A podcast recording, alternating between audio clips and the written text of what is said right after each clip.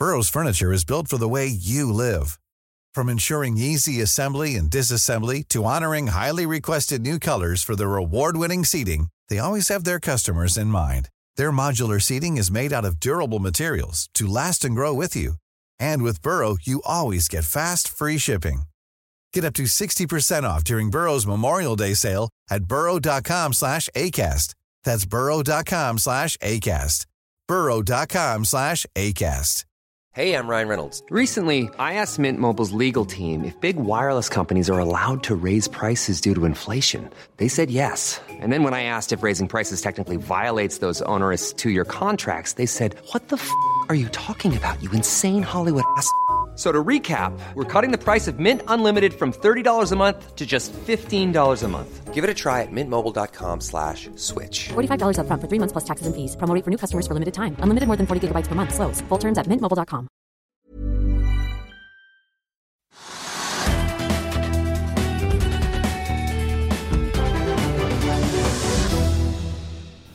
Dumme folk. Hei og velkommen til Økonominyhetene. I dag har vi med oss eiendomsmegler Anders Langtind i privatmegleren Ullevål. Er det vel? Ja, det stemmer.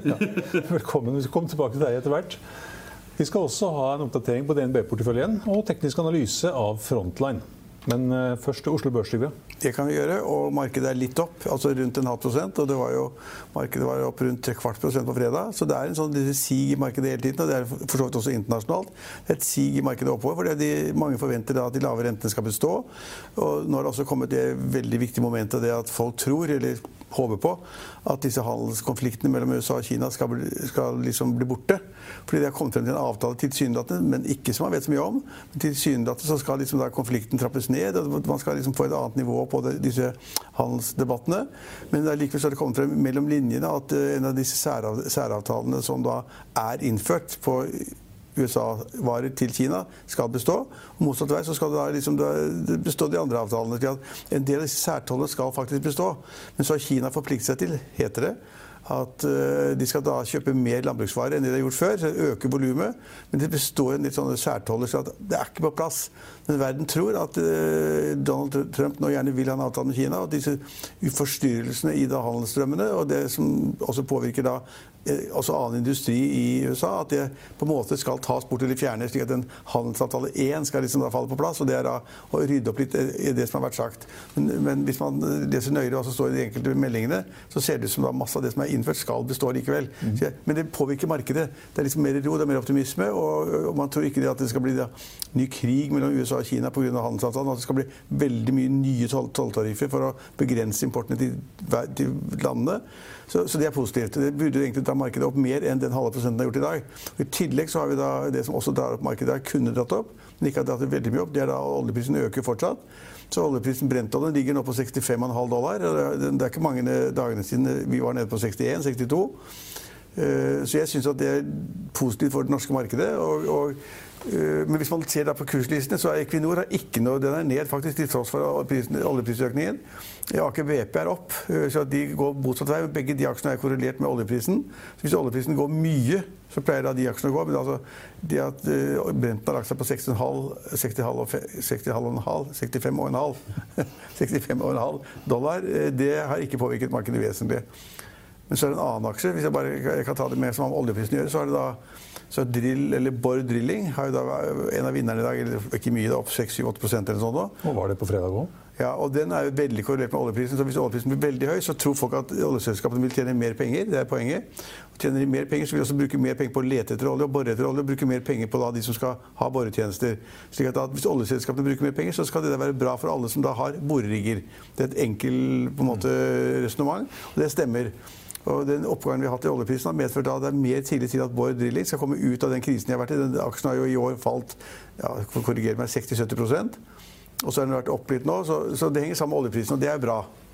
Det er bra. Og Sidril også får litt hjelp av den, opp 4% Ja, men Sidril mener jeg er så, det er ikke egenkapital igjen. Så det er sånn hva, hva Jon Fredriksen vil gjøre eller ikke gjøre, liksom. Mm. Og så er det en annen, enda en sånn litt oljetilknyttet, men som ikke har noe med den norske oljeprisen å gjøre. Det er jo da den Interoil, et lite sånn selskap som driver med olje og gass i Sør-Amerika. En oljemygg? En oljemygg, ja. ja. Og som har hatt store problemer, og som nå har meldt markedet og det er i og for seg At de melder markedet, da har det en positiv effekt. De har meldt markedet at de skal da få konvertere masse gjeld til egenkapital i selskapet og skal drive videre. og Jeg har ikke peiling på selskapet utover det. Men aksjene da, hvorfor vi nevner selskapet i det hele tatt, er at aksjene er opp da 40% eller sånn i dag. Mm. Fra en veldig lav uh, nedtur siden. Så ja. Så det er vinneren. Så da har vi tatt Borr, og så har vi, har vi, tatt det oljeselskapet der. og da, Det er ikke så veldig mye annet å plukke på børslisten, annet enn at jeg ser det at eh, det som noen av gjestene våre har anbefalt veldig, nemlig da altså storgass, LPG, avansegass, er en av vinnerne. Det kan vi forstå. Det er mange som er inn der. Mange tror at det blir kjempemarked i 2020. Kanskje 2021 også, men de tror iallfall i 2020. Og det er, markedet har tatt ganske kraftig av i år. Så det er det da noen som tror på, putter inn i porteføljen, og den aksjen er opp rundt 3% Og så har vi Norwegian, som vi har snakket om 2000 ganger i programmene våre. Eh, som har vært ganske skummelt. og Mange har tatt mye penger der. og Noen har shortet aksjen, og noen har tjent penger på det. og Noen har trodd at den skulle gå i 400 kroner og 500 kroner, at det skulle kjøpt det på andre britiske selskaper. Og noen har trodd den skulle 10? Noen trodde den skulle 10, akkurat. Og da, og I dag er aksjen opp 3% og den nærmer seg 40 kroner, faktisk. Men ikke mm. mer heller.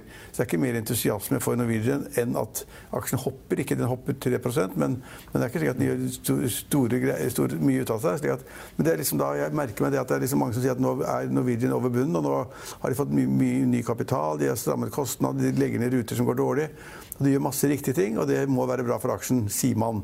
Og derfor kan man si at da, jeg tror nok en del sånne daytradere og kanskje også forvaltere tar og kjøper noe i Norwegian. Kanskje. Tror jeg. Også, men, men storgass er mange interessert i. Og det er liksom, ja, det er det jeg har fått ut av markedet i dag. Ja, Det var ganske mye, det. Nei, jeg vet ikke om det er nok. Det er mange, mange, mange selskaper på Oslo Børs. Men vi kan jo bare avslutte for de som ikke følger så godt med, at Oslo Børs er jo opp 14% i år. da. Og det er en ganske god børs. altså Får du 14% avkastning på pengene dine, så er det bra. Det vil jeg si. De som da... Vi nærmer oss all time high på Oslo Børs også. Vi har fått all time high i Europa igjen i dag. Ja. Stokk 600, all time high. Ja, Det er veldig morsomt. og det er interessant. og det er jo, det er, det er altså, Hvis du går en måned tilbake, eller annen måned tilbake, så var det alle opptatt av resesjon, lavere vekst, lavere vekst i USA, lavere vekst i Tyskland. Eh, lavere vekst i andre land, alle EU-landene, krigen med, med, Trump. At, der har man snakket om at man skulle få en vekst på 3, 3 og snakker man om mye lavere vekst. Altså, vært, men plutselig så har det snudd. Mm. Om det er handelsforhandlingene mellom Kina og USA, vet jeg ikke. eller hva det er for noe, men Plutselig så er alle litt mer optimistiske. Jeg, altså I Tyskland skjønner jeg det ikke. Der går det etter min mening mot resesjon. Som er Faren er det at hvis man skulle få en høy inflasjon i noen av landene, Tyskland, eller Frankrike, Storbritannia eller USA, så vil rentene bli presset opp. Hvis rentene blir presset opp, så er det utover all aktivitet. Da går aktiviteten ned. Folk har ikke like god råd til å kjøpe boliger, har ikke like god råd til å kjøpe store forretningseiendommer, kontorlokaler eller hva det måtte være. Vi er på en sånn merkelig grunn at liksom, rentene er lave, de fortsetter lavt ned. Også de lange rentene mot, uh, sammenlignet med de korte. Men hvis det skulle skje noe, altså hvis plutselig inflasjonen skulle ta Det er ikke noe land det ser som de gjør det. Altså Selv i Norge er inflasjonen på 2% og vi har høykonjunktur. Og vi har liksom ikke arbeidsledighet i det hele tatt. Ledigheten i Norge er på 2,1% nå. Det er ikke ledighet. Men likevel så holder inflasjonen seg under 2% eller i underkant av 2 slik at det er mange rare ting, men vi får all time high i Europa. Vi får all time high nesten på Oslo Børs. Og vi har hatt all time high på de amerikanske børsene i flere måneder, dag etter dag etter dag. Mm. Ja, så det er liksom vanskelig å si at ikke markedet er ålreit, men nei, markedet er ikke opp mer enn en halv prosent. da. Mm. Eh, renten det skrev du vel også litt om i Finansavisen i dag? Ja, det brukte jeg litt tid på, for det har kommet, kommet noen sånne uh, mennesker som da ikke har peiling, som snakket om hva skjer hvis renteoppgangen skulle bli 2 prosentpoeng. De skrev 2 da, men de mente 2 prosentpoeng. Fra halvannen til 3, altså fra halvannen, to, opp til 3,5 opp til 3-4 Hvis styringsrenten skulle komme dit, så vil jo da boliglån og annet komme til 5-6 det er jo ikke noen i Norge som har noe peiling, som tror at rentene plutselig blir satt opp 2 prosentpoeng nå. Det, det, er slik at Man trodde Norges Bank kanskje ville øke renten noe i mars neste år. Men så skal den ned, fordi at liksom, oljeinvesteringene går ned og masse annen aktivitet går litt ned. Og, uh, så det er ingen som tror det. Det er samme som å gå opp og spørre folk på gaten hvordan går det med deg hvis renten er 7-8 når det er, alle kan låne penger på 2,5-3% liksom, Hvordan går det med deg da? Da sier de at da blir det ikke noen julepresanger, og da blir det ikke noen utenlandsturer. Og da går det rett vest med meg, svarer folk. at Det er helt håpløse greier. Så, men jeg prøvde å oppsummere det. Jeg tror at rente, måte, renteoppgangen er slutt. Hvis renten forandrer seg i Norge, hvis, hvis den gjør det, så den, blir den satt ned. Ja, Det var noen som trodde at den skulle bli satt opp i mars neste år, men de har også sagt at nei, nå blir det ikke noe renteoppgang. Ja, og Gjesten var på fredag, Jan Andreassen, han, var, han, mente at det var negative renter og det ville gå helt rett vest med norsk økonomi totalt. Og mente at boligmarkedet ville kollapse. Men han har sagt det så mange ganger, han har bomma hvert år. han har bommet, han har bedret med Øystein og meg, og han har, han har tapt veddemålet i år. Så har vi tatt et nytt veddemål for neste år. Hva er har vi veddet om da, Øystein Ove? Hva vi vedda om. Ja. Ja, han trodde vel at eh, det skulle resesjon i 2021. ja, vi tok resesjon. ja, Det var ikke bolig, bolig, boligrentene. der vi tok resesjon. Nei, Han tror faktisk på at det kommer en oppgang på 2-3% i Oslo i 2020. Ja. Men, Men tror du ned 3% i, på, på landet. Ja. Så tror han det blir resesjon i 2021. Ja. Ja, er, Da får vi ikke vite veddemålet før om evigheter. Da skal vi gjennom to år, da. Vi får se. Nei, men, men, men det, det interessante er at markedet er litt opp. og det, er liksom, det skjer ikke så store, spennende ting. Det er nok til at markedet blir dratt litt opp, og det har noe med Europa å gjøre, det har noe med USA å gjøre. og Det er noe med det generelle klimaet å gjøre. Spennende. Eh, valutakursene, den norske krona, styrker seg ganske kraftig nå. eller Har gjort den siste uka. Jeg syns det er et kjempegodt poeng at du tar opp det. Altså, øh, mot, øh, mot dollar, så er vi, dollar så er vi under 9 kroner igjen. Og mot euroen så er vi nå på 10,01-10,02. Og det, hvis vi tenker på at det er ikke mange ukene siden euroen nå på 10,31. Og alle sa det at nå vil altså, norske kroner svekke seg, svekke seg, svekke seg. Så skjer da det at oljeprisen stiger og stiger og stiger. Ikke så veldig mye, men litt hver dag. Og oljeprisen er ofte korrelert med kronekursen. At hvis oljeprisen er høy, og Norge tjener penger, og alle tjener penger, og staten får inn flere oljekroner og oljeskatter, så vil det styrke krona. Og, det gjør det akkurat nå. Men så er det noen, som har sagt at den linken mellom høy oljepris og sterk kronekurs, den er borte. Det er den ikke. Det Ser ikke sånn ut i hvert fall. Det ser ikke ut som det er nå. Nei, Så nå blir det litt, litt billigere å kjøre handle i London. ja, Så vidt under 12 kroner mot pundet. Altså Jeg var nylig i London, hadde var et styremøte i London bare for et par, par uker siden. Og bodde på et veldig middels hotell. Ikke noe sånn, altså, gjør ikke meg noe, Man er jo ikke i senga omtrent, man jobber og har møter. Og det kostet 4000 kroner natta. Ja, ja, så altså, Det kan være kanskje bra at krona stiger, så det blir lettere å bo utenlands. Ja. Vi kunne ha snakka litt mer om andre aksjer òg, men jeg tror vi sier at det var det for i dag. Oslo Børs er opp 0,4% akkurat nå, som da vi begynte, til ja, 915,39, ser det ut som. All time high er intradag 948,48. 9,48,48, ja. Ja, vi har med oss eiendomsmegler Anders Langtind i studio. Velkommen. Tusen takk. I desember i fjor, da var du her, Ja. og da sa du at du trodde at boligprisene i Oslo ville stige 2-3% Ja, stemmer det. og at 5% hørtes litt mye ut. Syns det virket mye. Nå er vi på 4,8. Ja. Kan være at jeg tar feil. Hva, var- hva var, det, var du litt for pessimistisk, eller hva var det som Nei, altså eh, Jeg tenker at eh, mye av de faktorene som driver boligmarkedet nå altså Det har jo blitt satt en del begrensninger i det. Når det gjelder utlånsmulighetene da, og hvor mye gjeld man kan ta opp med denne boliglånsforskriften. Eh, Så Derfor så mente jeg og trodde at det ville kanskje være usannsynlig at boligprisene ville stige så kall det mye mer enn lønnsveksten. Du, Alt blir jo målt i forhold til inntekt. Fem ganger inntekt. Eh, Det er tak på hvor mye du kan låne. Så Derfor så tenkte jeg og mente at 2-3 eh, ville være fornuftig. Men jeg, er litt overrasket egentlig at det er så Men du er ikke på minussiden. Jan H. Andreassen, gjesten var på fredag, han trodde jo at boligprisen i år skulle falle med 3% eller sånt. da. Men han har jo vært på minussiden i alle år. Nei, Han er en eh, pessimist, han tror på, han tror ikke på så mye. Men du var ikke på minussiden, du var på plussiden, da. ja. Ja. Uh, er det ikke landstallet som er i vår uh, temperaturgreie? Det er landstallet, ikke Oslo. Nei, det er riktig. Nei, og så har man jo, og Det var vel også litt på bakgrunn av at man trodde kanskje eh, i fjor at det skulle være mer igangsatte boliger, at man skulle få et veldig stort utbud. Samtidig med at det var mange som spådde at det skulle være veldig mye ferdigstillelser. Ikke sant? At, det skulle, at det skulle komme veldig masse boliger ut i markedet, da, som igjen skulle føre Men det er ikke det. da. Altså, Jan, Jan, Jo, det Andreas, det som- Jan Mm. Andreassen han hevdet det på fredag. Så du det? Nei. Nei. Nei. Han hevdet at det det var flom av boliger som ikke ble solgt nå. Han nevnte et boligsted oppe på Jessheim eller Lillestrøm eller et eller annet sånt, hvor det var hundrevis av boliger som ikke var solgt. Ja, det som, kanskje, det som har vært unormalen da, eh, for dette året, har jo vært at det har vært veldig mye mer bolig til salgs. Men markedet har vært villig til å absorbere. Altså, det, det, det er opp 13-14 omsetningsmessig eller noe sånt nå i Oslo, altså antall enheter. Og nesten alt er jo solgt. Så, så, så markedet er- villig til å ta unna. Ja, ok, Men, men er, det da, er det et vendepunkt nå, da? At du ikke tar unna nå? Altså, han mente jo åpenbart det, du må korrigere meg, men han mente jo åpenbart det at det var masse til salg ute der, og folk skjønte det ikke. Og at det kom masse hele tiden, og at det var overtilbud på boliger. Nei, det er ikke det, altså. Nei, det er så flott, da. Eh, Det vi får til salgs, det blir solgt. Eh, Det er, det er like mange på visning? Ja, eh, det har vært veldig bra i november, og også i desember. Så har det vært bra, og ting har blitt solgt. Så, så det har vel kanskje vært litt sånn Det er jo ikke noe hemmelighet at vi har også tenkt på jøss, nå, nå, nå blir det mye for salg. eh, Så derfor så vil det kanskje liksom dempe prispresset noe, da. Eh, Men det har blitt solgt, altså. eh, Til gode priser. Så Så den trenden holder seg jo, den. Så, så da inngangen til 2020, den, der, er da sier jo alle meglerne og analytikerne de som har greie på det, sier at boligprisen skal stige kanskje 2-3 bare i januar alene. Ja, historisk sett så har det jo steget mest ikke sant? første kvartal. De syv-åtte siste årene. så har det gjort det. Eh, I år kan kanskje bli litt annerledes i januar-februar. Altså til neste år, unnskyld. Eh, For utbudet har jo vært stort. ikke sant? Og så når vi kommer vanligvis til desember måned, de som ikke har fått solgt da, de trekker boligene sine ut av markedet. Vil ikke ligge der og liksom bli det vi kaller for en hyllevarmer da, gjennom hele desember. Samtidig som vi har fått eh, masse nye boliger for salg som skal ut i januar. Så jeg tror nok utbudet i år i januar kan kanskje bli en god del høyere da, enn det det var i fjor. Men da stiger kanskje ikke prisene så mye, da? Ikke så mye, tror jeg. Nei, jeg, jeg tror fortsatt for til neste år jeg, så tror jeg, det, jeg tror ikke det kommer til å ligge på noe særlig mer enn 2-3% På årsbasis? Jeg tror ikke det. Nei, Det var vel uh, Christian Wandel Dreyer i Eiendom Norge som sa at eh, han blir ikke overraska om det kommer 3-4% i første kvartal. Ja, det er Veldig ambisiøst. Så hørte- faller det jo da mot sommeren, da? Eller så faller det kanskje på høsten? Ja, så har det jo falt litt etter det. Jeg, jeg hørte jo Hedda Ulvenes fra Eie var jo også her, og hun hørte jo også mente ca. 5 til neste år. Ja. Men På årsbasis? på årsbasis, ja.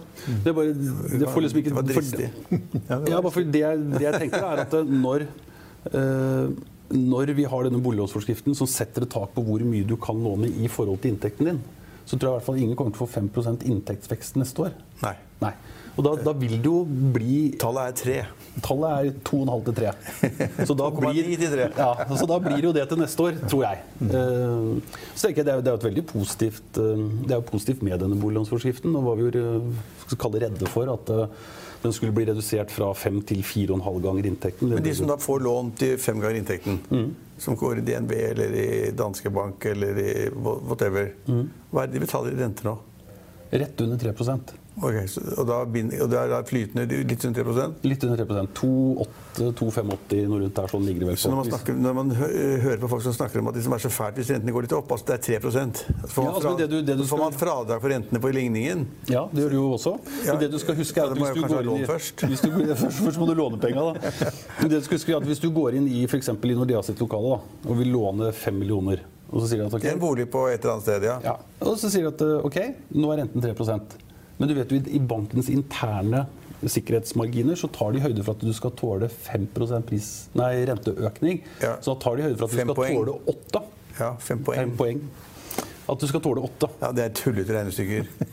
Altså, det er vel ingen som tror at renta kommer til å bli åtte. Nei, ja, men Men det er det de legger inn. da går jo Norge nedom og hjem. altså Da ramler det sammen overalt. Altså, men det er ingen som tror det, men de, de, jeg tror de må, må de det etter Finanstilsynets krav. At de, legger, Jeg lurer på, Det er et av kravene. de må legge ned et sånt regnestykke. Må legge inn det, ja. De må, så da må de tåle åtte, da. Mm.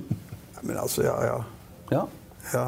Men så lenge vi har de, de faktorene der da, som er politisk besluttet, så styrer jo de markedet mye. De gjør jo det. Så det er liksom ikke sånn De som, kjøper, de som kjøper næringseiendom med kontorlokaler, sånn som her og på Smestad, sånn, Mm. altså de som kjøper, får, har de samme renten, litt under tre? Eller er det mer? Eh, Nei, de er litt mer. Eh, siste lånepapirene jeg har sett som har kommet over pulten nå, ligger på ca. 225 punkter over Nibor. På flytende. Ja, så hva blir det? Hva er, står Nibor i noe halvannen, eller hva er det? Du er vel på rundt 3-5-3-6 eller noe sånt noe totalt, blir det ikke det? Det er vel rundt der det ligger. den Nibor 1,85. ja, 1,85 pluss 2, så er det på 4 nesten, da. det er litt høyere da. Det er, det er et Mm. poeng, poeng høyere da enn boliglånsrenten. Ja. Men så er det jo øh, Jeg vet vel at Danske Bank har et sånn type øh, produkt, låneprodukt som du kan binde renten i ti år, og da er du på 165-70 punkter over Nibor. På ti års binding. Ja, tre- på næring. Rundt 3,7 da. Ja. ja. Ja, fremdeles er under 4 da. Mm. Ja, så er det fradrag for renten. Og det er 25% eller omtrent en fjerdedel. det. Ja, nei, altså, øh, Rentene styrer jo mye, men øh, nå har jo renten gått opp en halv prosent øh, i- innenfor ganske kort tid, må vi få lov til å si. Uh, men det har jo egentlig det har ikke påvirket boligmarkedet i det hele tatt, når liksom fasiten for året blir nesten 5% opp. Man skulle jo tro at I Oslo, ja.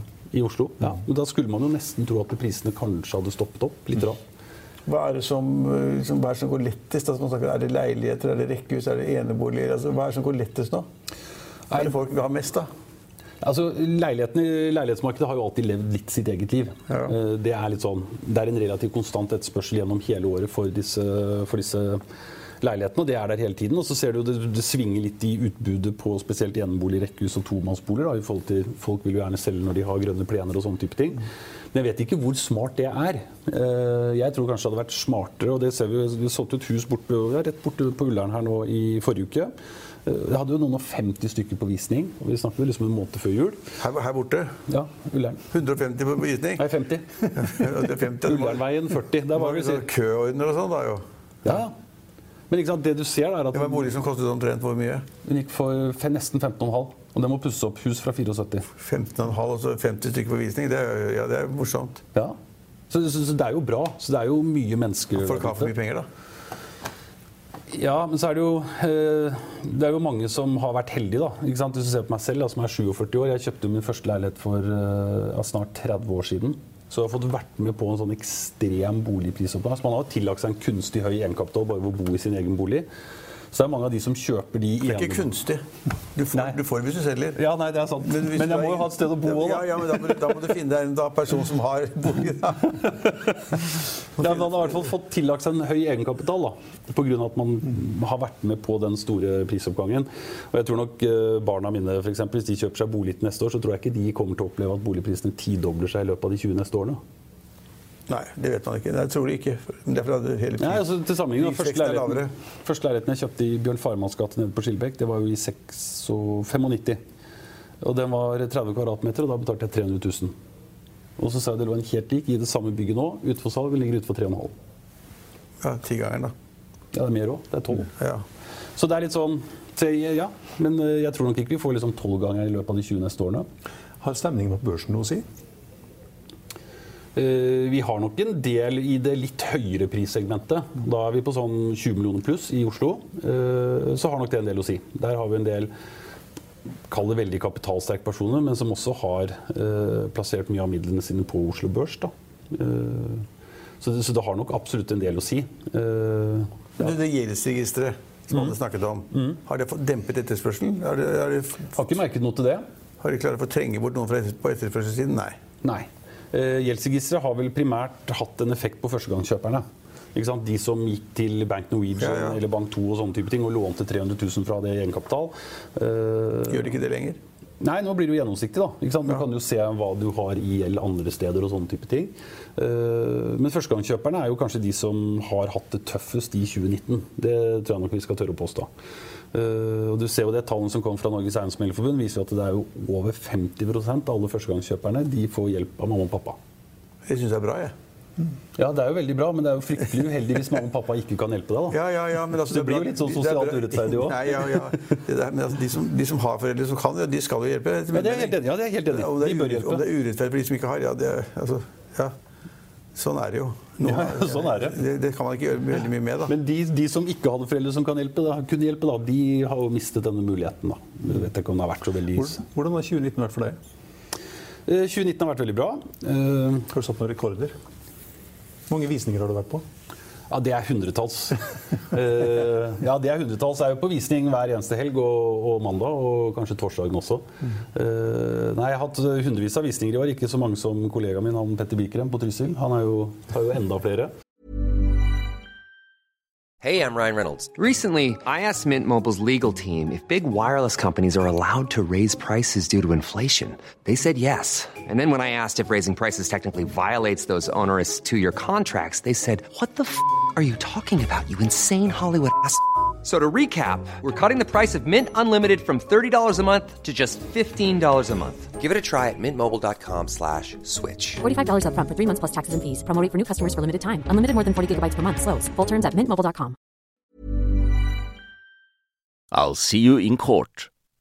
Vi sier det ofte litt på spøk, men for deg som driver business, er det aldri moro å innse at du ikke har laget en 100 gyldig kontrakt. Du bør ikke risikere hele firmaet ditt fordi du synes dette med kontrakter er litt stress. En avtale er ikke en avtale. Du kan miste kunder, miste venner, ja, til og med miste inntekter om du ikke lager en skikkelig kontrakt, på alt mulig, egentlig. Men vi vet det er et styr. Kopimaskiner, tregprinter og haugevis av papir. Dessuten stoler vi jo på folk her i landet. Det er ofte litt kleint å skulle be om en signatur for alt mulig, ja, for mye av styret handler også om jakten på underskriften. Det finnes en enkel måte å løse dette på. Dukkobit. En trygg, effektiv og get this, gratis måte å sikre seg en god natts søvn pluss en juridisk bindende avtale. Dukkobit-appen har de strengeste sikkerhetskrav i bunn, samt en EU-godkjent og sertifisert teknologi. Framover vil det bli behagelig å spørre du, skal vi skrive under på det, eller? Kom i gang på dokobit.no. Men eh, for kontoret vårt så har vi Hvor er det alltime. du ha flest, da? Eh, Jeg selger mest i byen, her i, I byen, i byen, ja, ja. i området rundt her vi sitter nå. Eh, men uh, det, det har vært et bra år for min del. Jeg selger jo en god del boliggårder. Uh, så der har vel nå passert 1,2 milliarder, unnskyld. Nå. Meglet Boliggårder, ja. ja. Men du, når man kjøper en sånn boliggård, ja. Eh, går man i pluss når man altså da tar eh, leieinntektene, husleieinntektene og trekker fra drift og, rente? Går man i pluss da? Ja, det vil du gjøre. På en del av de så gjør du absolutt det. Så du har et bitte liten pluss på det, og så får du da veksten i boligprisene i tillegg, altså, hvis, det går, hvis det går riktig veien. Det vil du gjøre. Og så har vi en god del det er som du sier, det, er, det er jo mye penger i markedet, så vi har en del ekstremt bemidlede kjøpere eh, som ikke lånefinansierer kjøpene sine. Men så kjøper jeg en bygård, og så er det problemer med leietakeren og uh, møkkete i gangen og bråk i garasjen. det, er, det, er, det er ikke bare bare å eie en gård. Det skal, Nei, nei, nei. For all del. Eh, Is, istappene faller ned fra taket og det, det, for all del, og det er jo det samme de som tenker at de skal bare kjøpe en toromsleilighet for å leie ut. Altså, det er jo en jobb, det også. Ja. Når vi ser på disse boliggårdene, så det er mange profesjonelle aktører inne. Og så har vi, men vi har en del kjøpere som bare er ekstremt bemidlede. Altså, solgte jo en gård her til nesten 130 millioner, og den blir jo, den blir jo ikke lånefinansiert, det kjøpet. Nei. Men, de har, men vi har en del flinke selskaper eh, i byen her som forestår vaktmestertjenester. Altså sånn full pakke. da, Vaktmestertjenester, utleie, ikke sant? og da kredittsjekker i leietakerne. De gjør alt sammen, altså? De gjør alt sammen, og for det så tar de 6-7% av omsetningen. Av husleieinntektene? Ja, av husleieinntektene for å forvalte gården. Og han der Ivar Tollefsen løper han rundt og kjøper gårder overalt? Eller?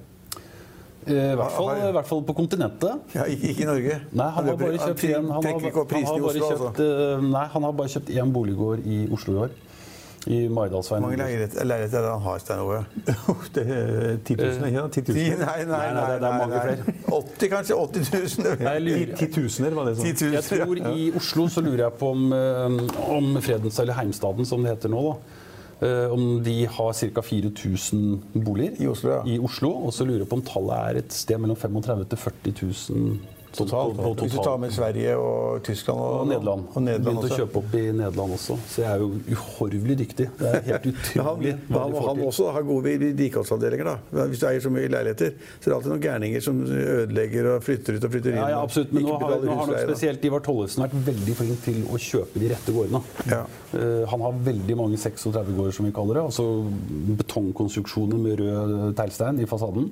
Som krever mye mindre vedlikehold enn disse bløtkakegårdene f.eks. på Frogner. Hvor du har disse pustefasadene og trebjelkelag og alt det her. Eh, så vi solgte jo akkurat en gård nå i Etterstadgaten 26 bort på Vålerenga. Og Den ble jo kjempepopulær, for det er en betonggård fra 1936 med betong, betong, betong. Det er liksom betong i oppgangen, det er jernrekkverk. altså Det er begrensa hvor mye du får ødelagt. Hvis det er noe vi nå plutselig kjøper en bygård til 100 Ja, den millioner gården hadde Det er rett i underkant av 3 millioner i leie. Og den gikk for 60. Men så har vi eiekostnader på ca. 400 000. Da, ikke sant? Så er vi på netto 2,5 på 60. Så er netto 2,5 million i GIL, som i leieinntekt. Ja, som og Som du skal betjene de 60 med, da. ja? Alternativet er å sette 60 millioner i banken da, hvis du skal være den tryggeste, kjedeligste karen i byen. Uh, og da får du 1 eller 1%. halvannen, halvannen kanskje. da. Ja, ikke sant? Så da har du fått et eller annet sted mellom 60 900 000 ved å sette penger i banken. Alternativt så får du 2,5 millioner ved å kjøpe gården. Så det lønner seg å kjøpe gårder fortsatt. Det gjør jo absolutt det. Men Men, selvfølgelig hvis du skal gå inn for sånn tung lånefinansiering på disse gårdene det er Hvis du skal låne da 60 da, eller 65 da, til 5 rente, da. Eller 4 rente. 4 rente. Da er det minus. Ja, hvis, du hadde, eksempel, hvis du bruker den gården i Etterstadgata som et eksempel, hvis du skulle lånt 60% 36 millioner til 4% rente, 1,4-1,5 millioner, da. stemmer ikke det? Sånn cirka. Vil det koste deg i renter, og så får du fradrag for renten, så får du 2,5 millioner i leie. Så det er jo fortsatt penger i det. Men jeg tror det er viktig at eh, du må ha en relativt stor egenkapital eh, for å få noe penger ut av og Ja, og egenkapital skal man egentlig ha avkastning på det nå, da. Den skal du ha. Egentlig. Du bør legge, litt regneark at du, får, at du skaper Du må jo ha avkastning på egenkapital nå. Ja. Men det som er spennende på dette bygårdsmarkedet, er jo at det er en del av de eh, profesjonelle utviklerne, eh, de som kjøper og pusser opp, seksjonere og dele, de begynner å dukke opp litt flere av igjen. Ja, Det er jo et positivt signal, for de har jo vært litt sånn fraværende. Med en gang de er der, for når de begynner å kjøpe, så er det litt sånn på fremtidsoptimismen. Altså de tror at Men de som da kjøper en bygård av deg, hvor, hvor lang tidshorisont tror du de har normalt? Eh, en del av de har jo et evighetsperspektiv. Ja. Så de skal aldri selge. Så det er litt sånn. Eh, men eh, det er jo Jeg solgte en annen gård her for en måneds tid siden. Den omsatte jeg jo også for fire år siden. Ja, ok. Så no, noen bytter jo litt ut i Men kommer kjøperne, din, din daværende kjøper til deg og spør liksom, hvor mye tjener jeg på å selge nå? Ja, den gården fikk vi jo 38,5 millioner for, og den hadde de kjøpt for 33. Ok, Fem millioner imellom, da. Uten noen kostnader imellom. Ingenting. Gården var kjempefin. Mm. Den var totalrenovert. Men eh, den. på den andre gården som du sa 2,5 på 6, gild på da litt i overkant av 4, er det der det ligger? Det er der det ligger. Men, men det ser vi altså eh, Når renten har gått opp, på næringslånene spesielt, så har jo selv om sant, for en så har den gått opp en halv prosent, sånn cirka. Men på næringslånet så har jo renta blitt dytta 0,8 til 1 opp. Det har det. Og selvfølgelig det får en direkte konsekvens for prisen. Det er det jo ikke noe tvil om. Jo, for jo dyrere det blir å låne penger, jo dårligere avkastning får du, og jo mindre er du villig til å betale for gården. Det er bare sånn det er. Så jeg tenker at en del av disse bygårdene har nok Derfor går gilden opp, da. Ja, da vil jo kravet, ja, kravet til avkastning vil betale mindre for gården, og ja, går opp. da vil du nødvendigvis betale mindre for gården. Hvis du er gæren og skal kjøpe, betale hva som helst, så går yielden ned. Altså, da, da Eksempel for noen av disse kjøperne som, som har, kan nesten betale uten lån, da. For, for de så er det liksom ikke helt avgjørende. Men for de som, hva skal man si, de tunge kommersielle aktørene, sånn som for Fredensborg og Merkantilbygg og en del av disse store leilighetsbesitterne i Oslo-området, de, jo, de må jo regne på det på den måten. Og at eh, noen av gårdene da at de har gått noe ned i pris, kanskje så mye som 3-5% Noen av de, det har de gjort. Den gården til 38,5. Hva slags uh, gild eh, gikk den for? Ja, det ble jo ikke så veldig bra, for der var vi nesten på 100 000 per kvadratmeter eh, på salgssummen. Og så var det vel 1, var i underkant av 1,5 millioner i leie. Og så sier vi jo sånn du kan trekke av ca. 20 da i eierkost, så 300 000, så da 1,2 da. Men du er på rundt 3.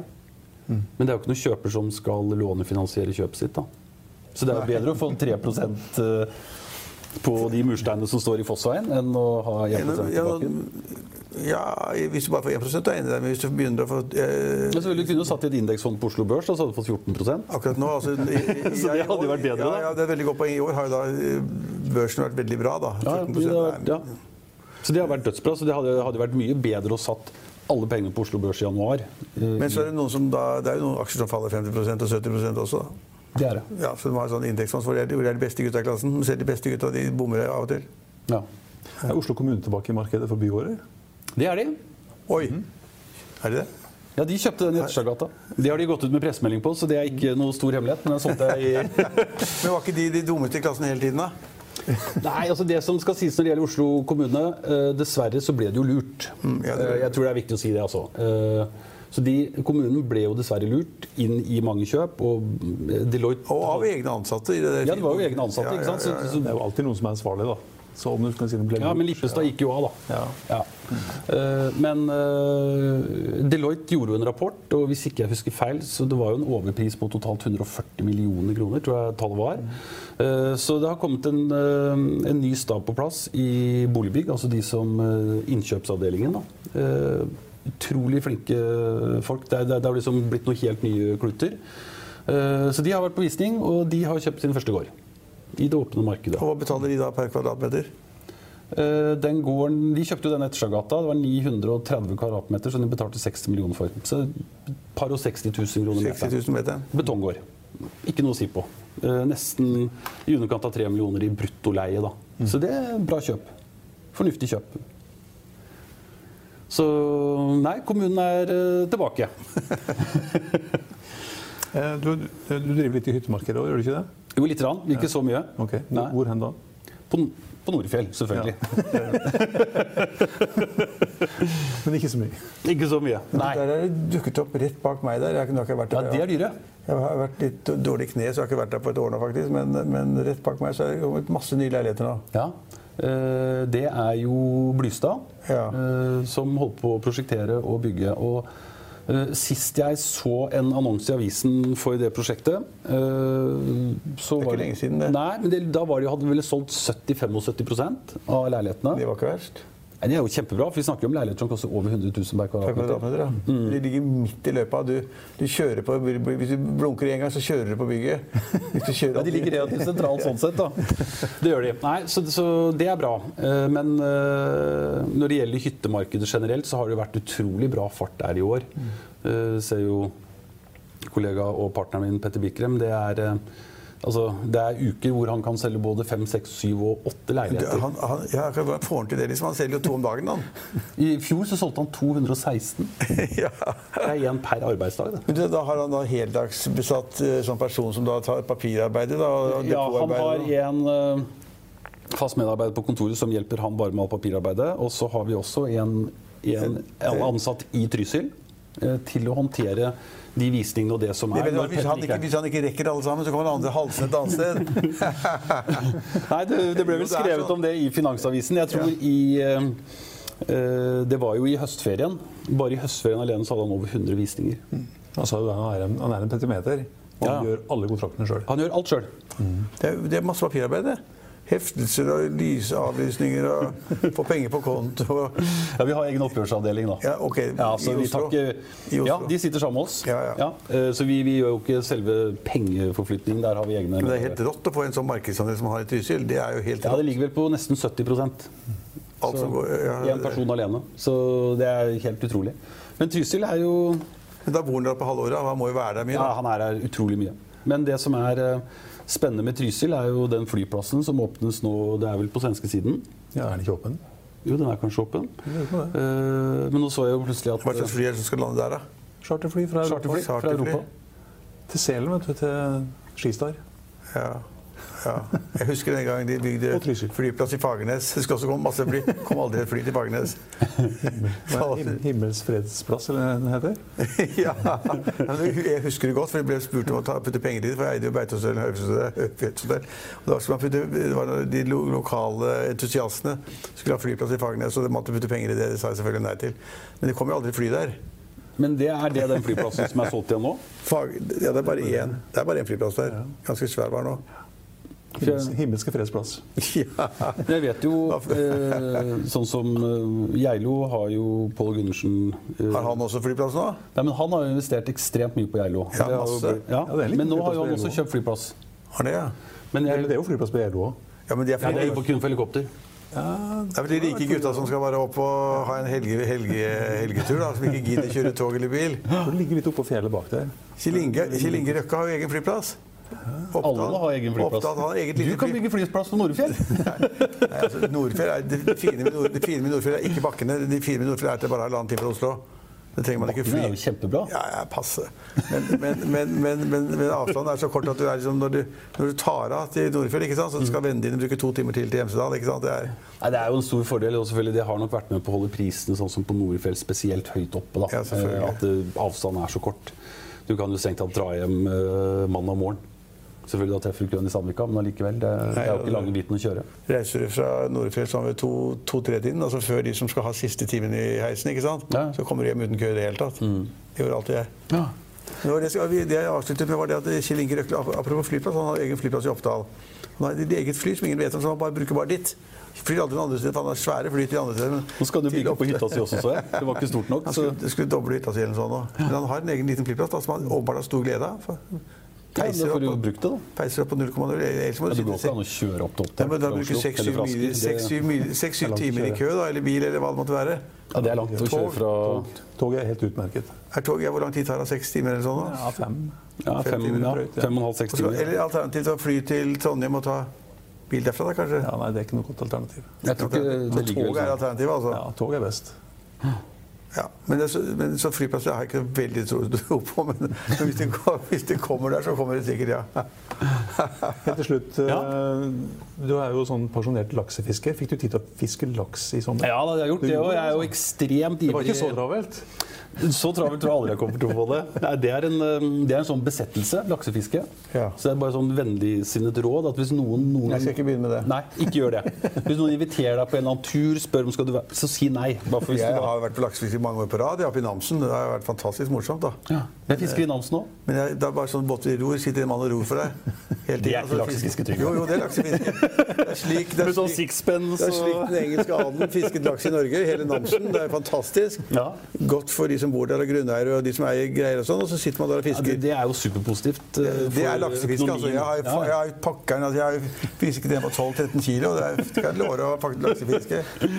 Det er positivt for, for lokalsamfunnet rundt omkring. Kaster stangen, du, altså sånn Ja, sånn fluefiske. Ja. fluefiske. Ja. Går den i trærne av og til, da? Eller? Ja, det skjer, det òg. Jeg er ikke så god. Så det. Ikke kommer noe i år. Du, I år har vært ganske bra. Jeg var jo fisket i Namsen òg, så fikk jeg en fin fisk der på litt over 10 kilo. Og vært mange andre steder også. Da ble du rodd, for der har ikke Der ble jeg faktisk rodd, Ja, akkurat. Men der var det for mye vann. Så det er litt sånn eh, Ja, ja, får Takk for at du var med oss igjen, Anders. Du, bare hyggelig. det blir bra i 2020 òg, da. Laksefiskesesongen eller eiendomsmarkedet? nei, nei, jeg tenker på Trysil- Trysil- Trysilhytten. Trysilhytten og eiendomsmarkedet. Ja, boligmarkedet. Ja, boligmarkedet. Det, vi får håpe det. det. Det ser jo lyst ut, men jeg tror det er sånn 2-3% tror jeg blir Det kan bli sånn 2-3% eller pluss minus null. Det blir ikke noe sånn pluss 10 og pluss 5 og sånn. Det blir det ikke. Nei, Det tror jeg det er etter Kanskje i 2021 eller 2022. Hvis det bygges for lite, så kan det hendes, men det er langt frem til. Var det ikke da det skulle bli resesjon, da? Jo, det er noen som mener det. Da skal vi gå videre og ta en titt på grafene våre. Indekser, valuta og olje. Ja.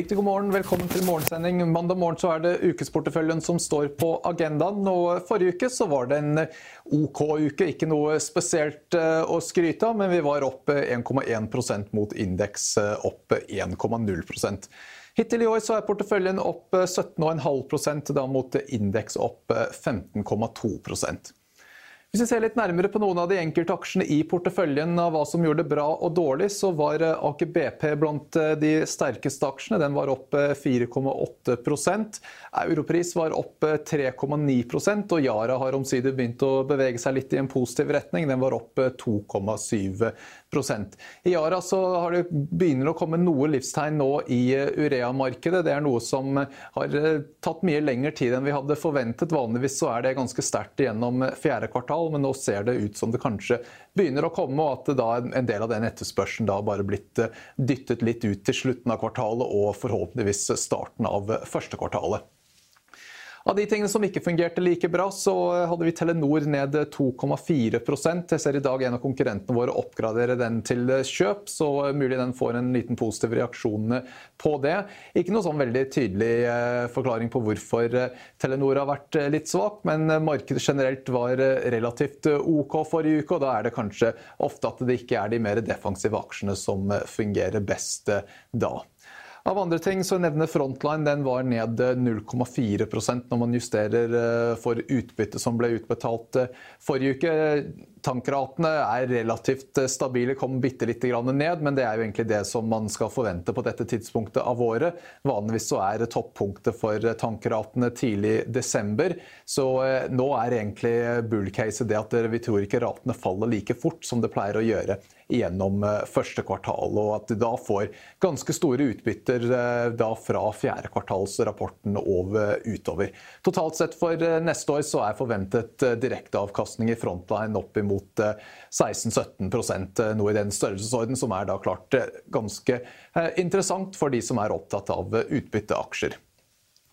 Når vi ser litt eh, fremover for uken, ikke veldig mye spennende av eh, ting å følge med på, men eh, vi har PMI-tall for Europa nå i formiddag. Det gir liksom første inntrykk av hvordan underliggende makrovekst har vært i eurosonen nå siste måneden. Forventningen der er at du skal få et lite opptikk. De fleste av sånne PMI-indikatorene har vist litt tegn til å bunne ut nå i de siste månedene eller to, så forventningen er at den skal være litt bedre enn det var eh, forrige måned, både på tjenestesektoren og manufacturing.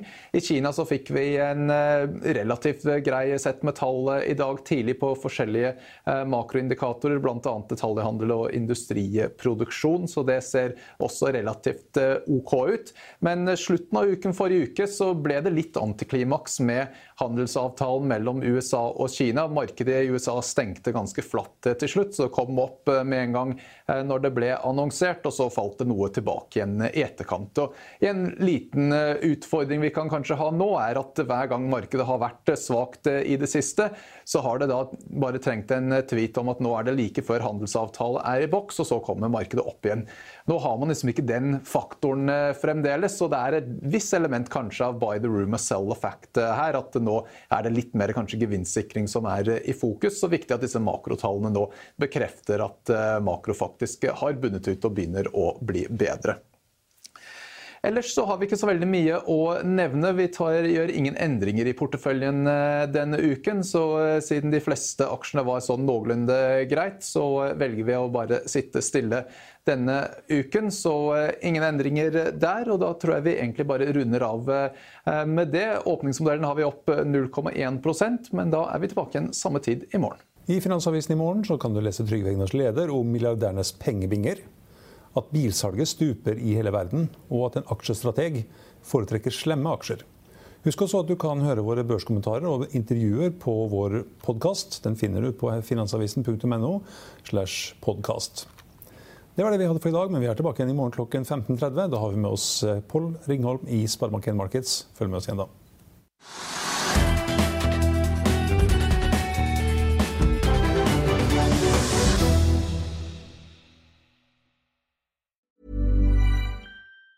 Planning for your next trip? Elevate your travel style with Quince. Quince has all the jet setting essentials you'll want for your next getaway, like European linen, premium luggage options, buttery soft Italian leather bags, and so much more. And it's all priced at 50 to 80% less than similar brands. Plus, Quince only works with factories that use safe and ethical manufacturing practices. Pack your bags with high-quality essentials you'll be wearing for vacations to come with Quince. Go to quince.com slash trip for free shipping and 365-day returns. Økonominyhetene er en podkast fra Finansavisen. Programledere er Marius Lorentzen, Stein Ove Haugen og Benedikte Storm Bamvik. Produsenter er Lars Brenden Skram og Bashar Johar. Og ansvarlig redaktør er Trygve Hegnar.